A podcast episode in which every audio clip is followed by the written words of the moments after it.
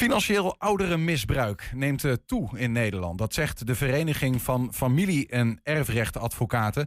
Exacte cijfers zijn uh, onbekend. Maar omdat, uh, omdat veel gevallen niet worden gemeld, is dat trouwens. Maar omdat ook de Enschese advocaat Joost Haafke steeds meer van dat soort gevallen zien die voortvloeien uit gedoe rondom het geld of de spullen van oudere mensen, is hij bij ons aangeschoven. Orde! Orde! Rechtspraak met Damstee Advocaten. Joost, welkom. Uh, misschien in een notendop voordat we er uh, verder op ingaan. Hoor. Maar wat is financieel ouderenmisbruik precies? Nou, ik denk dat je er voornamelijk onder moet zien. Dus dat eigenlijk dat op het moment dat mensen dus wat ouder worden en dingen misschien ook wat minder goed kunnen uh, overzien, dat mensen dan nou ja, in een negatieve manier kansen ruiken. En op die manier nou ja, de, de belangen van zichzelf voor die van de oudere mensen stellen. En dan dat is dan in geld uh, klinkende munt gaan uitdrukken. Ja, ja en dan, dan, heb je verschillende soorten manieren waarop dat gebeurt. Daar komen we zo verder over te spreken. Maar nou zeg ik in die intro hè, dat uh, de Vereniging van uh, Familierecht, Erfadvocaten, die schrijft van ja, het neemt, het neemt toe. Ja. waar komt dat door? Nou, ik, de, ik, denk vooral dat het komt doordat je, als je kijkt naar de, de, mensen die dan nu wat ouder beginnen te worden, dat zijn dan mensen van na de Tweede Wereldoorlog, die hebben allemaal een huis allemaal enorm in waarde gestegen. Hadden allemaal nog een pensioen. En vaak zie je dus dat daar best wel wat vermogen zit.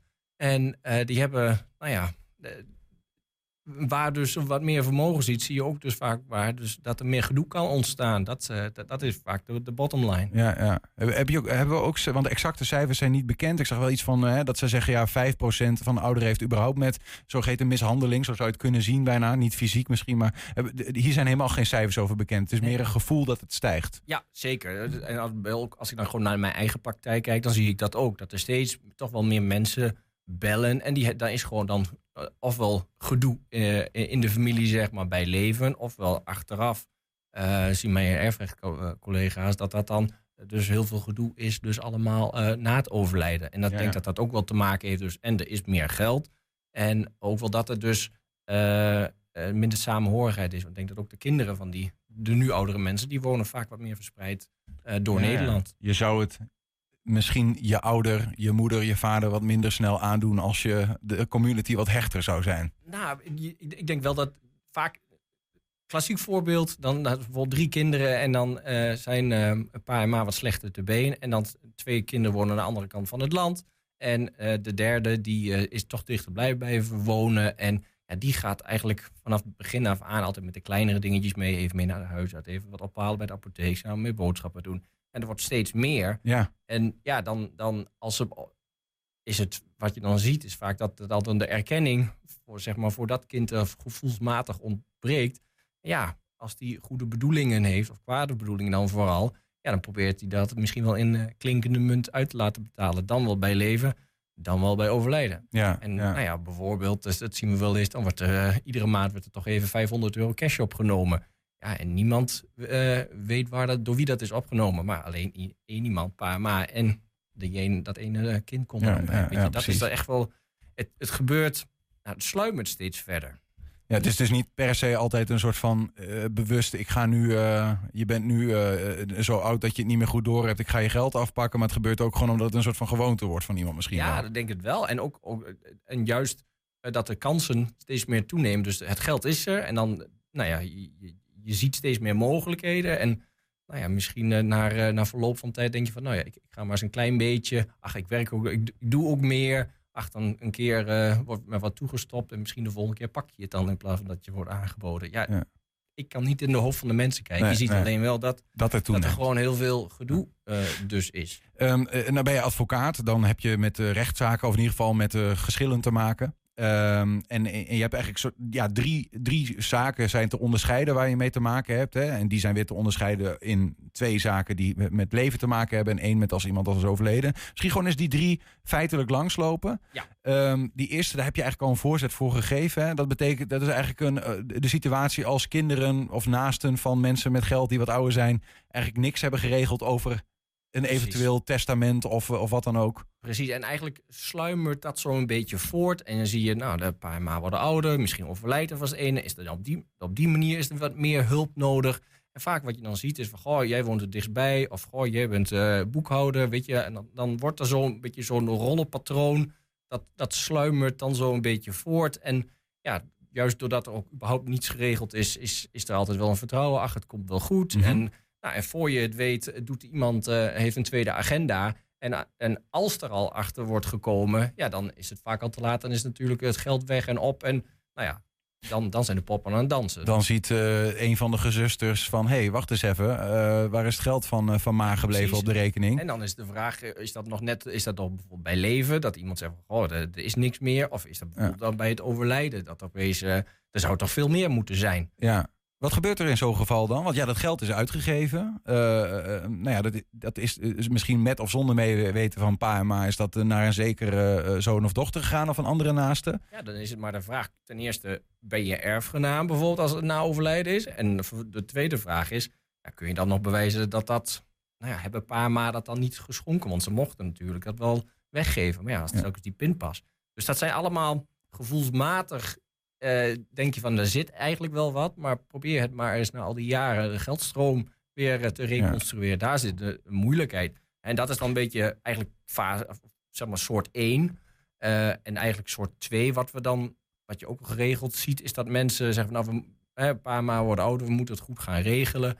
En laten we naar de notaris gaan. En dan, nou, dan gaan we zo'n zo'n zogenaamd levenstestament gaan pa en ma opstellen. Een levenstestament. Ja, En wat staat daar dan in? Ja dat, ju- juridisch duiden wij dat meer als een volmacht. Oftewel, je geeft dan eh, iemand geef je hele vergaande bevoegdheden om dingen voor jou te regelen. Een van de drie gezusters bijvoorbeeld, hè, van de dochters, die Ja, krijgt de volmacht. drie- precies, die krijgt de volmacht. Dus die gaat over de portemonnee.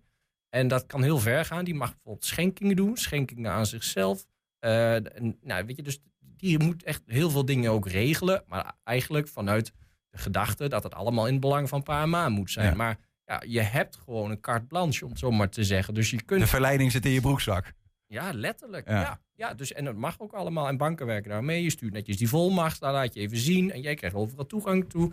Ja, dus, dus ja, het is ook letterlijk op de winkel passen. Ja, maar blijkbaar ook een blueprint voor disaster voor, eh, voor sommigen. Want dat leidt dan ook weer tot gedoe uiteindelijk. Ja, ik zie natuurlijk een, alleen de dingen die verkeerd Ja, aflopen. dat is zo. Ik denk als we hier een notaris zouden zitten die zou zeggen: nee, het werkt geweldig.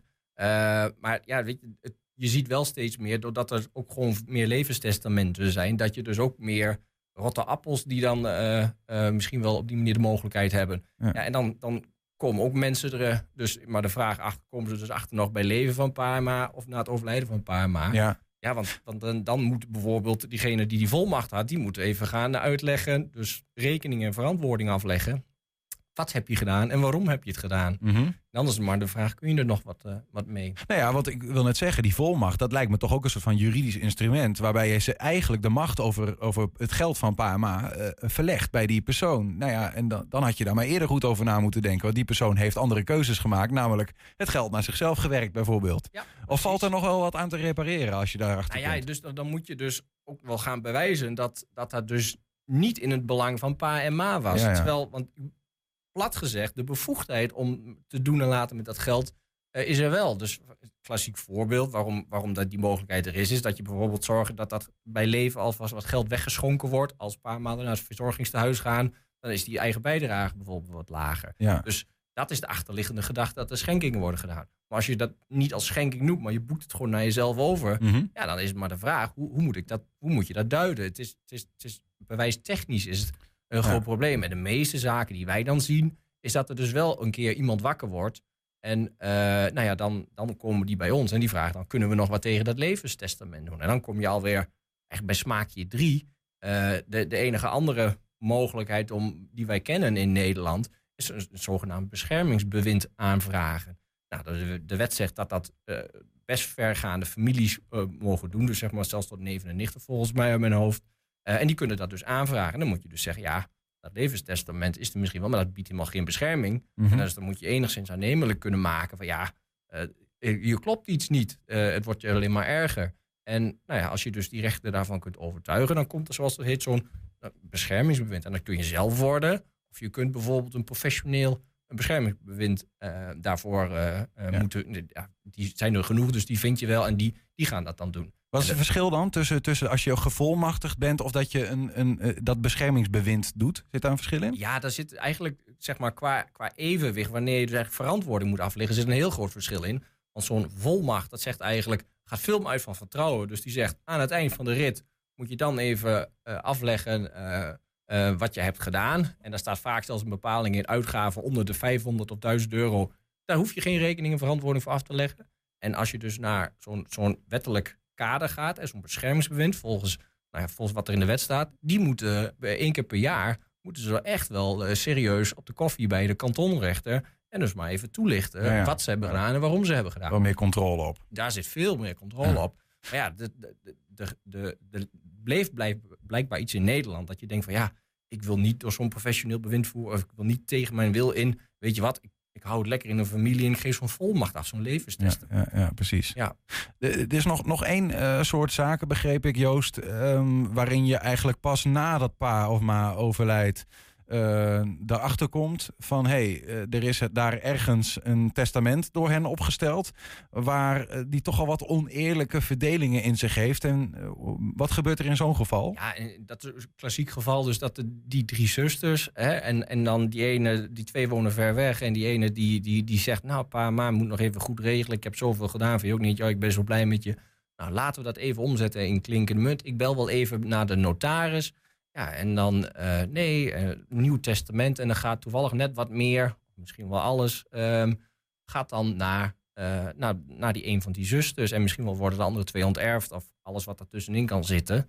Ja, en dan is het even de vraag, wordt dat dan, kan, kan pa en ma, kunnen die ja, nog wel, wisten nog wel, zijn nog wel wat ze deden, of Ja. een beetje onder invloed van. En dat is een hele, heel grijs gebied, hè, want Hoe is dat testament tot stand gekomen? precies, Ja. dus die notaris hebben wel zo'n soort checklist om, om te kijken van, goh, diegene die voor mij zit, weet hij wel wat, wat, ja, wat die doet. Mhm. Maar ja, een notaris is natuurlijk geen eh eh, eh, oudere expert, oudere geneeskunde, om het zo maar ja. te zeggen. En, en ook dementie gaat natuurlijk. Je hebt heldere dagen, slechte dagen. Dus dat is, het is heel ingewikkeld. Ehm, maar ja, dan, dan komen de mensen dus bij ons en zeggen... ja, achteraf gezien dat testament... Pama wist helemaal niet wat ze deden en ze waren al ziek. En nou, dat, dat testament moet niet terugverklaard worden. Nou, Ja. dat, en dat zijn hele moeilijke opgaves. Ja, lijkt me moeilijk om te bewijzen eh, dat dat, zo is geweest. Dat is jouw taak. Ja, nou ja, Leuk. precies. Ja, Ja, het zijn mooie allemaal bewijsproblemen. Dus in al die drie, eh, drie die soorten zeg maar, zaken is het allemaal bewijsproblemen. Ja. Eh, het, het lijkt mij, om een beetje tot een afronding te komen. Weet je, ik vraag mezelf, ik denk bijna hoe ons. Hè, we hebben het over gehad, hoe kan dat nou? Hè? Je bent natuurlijk gewoon één familie en dat gebeurt toch. Blijkbaar gebeurt er. Wat zijn de gevolgen als dit soort dingen gebeuren? Want naast het feit dat pa en hun geld misschien soms eh, kwijtraken, lijkt het me ook niet heel goed voor de familiebanden. Nee, nee, als dit soort dingen gebeuren, zeg maar, dit raakt mensen zo op het bot. Dit is echt van die, van die ja, dit komt dan nooit meer goed tussen die zusters. En vaak zou ik bijna zeggen, ja, zolang je nog bij die, al die levensfases en de verandering van het rollenpatroon, hè, dus wanneer pa en ma wat ouder worden en dus en niet, zij niet meer zorgen, maar voor hen moet worden gezorgd, ja, dat er toch wel wat communicatie in de familie blijft. Dan hebben we allemaal de neuzen nog dezelfde kant op. En zit er geen oud zeer waar we het eens over moeten hebben. Dat is wel jouw advies, jouw advies wat dat betreft dus ook, denk ja, ik. want vaak gaat Ja. het ook altijd. Ja, geld is belangrijk, maar vaak zit er altijd eh, wat onder, zeg maar. Ik ben vroeger nooit gezien of ik heb vroeger altijd dat gedaan. Er zit altijd zo'n soort ja, niet op geld waardeerbaar argument zit dat daaronder. Ja, en ik denk als, als, als broers, zussen dat enigszins eh, op de rit kunnen houden, dat het risico op eh, nou ja, financieel ouderenmisbruik een stuk kleiner zal worden. Dankjewel voor je uitleg en voor hopelijk het voorkomen van dit soort ellende. Want dat is nog beter dan genezen natuurlijk. Graag gedaan.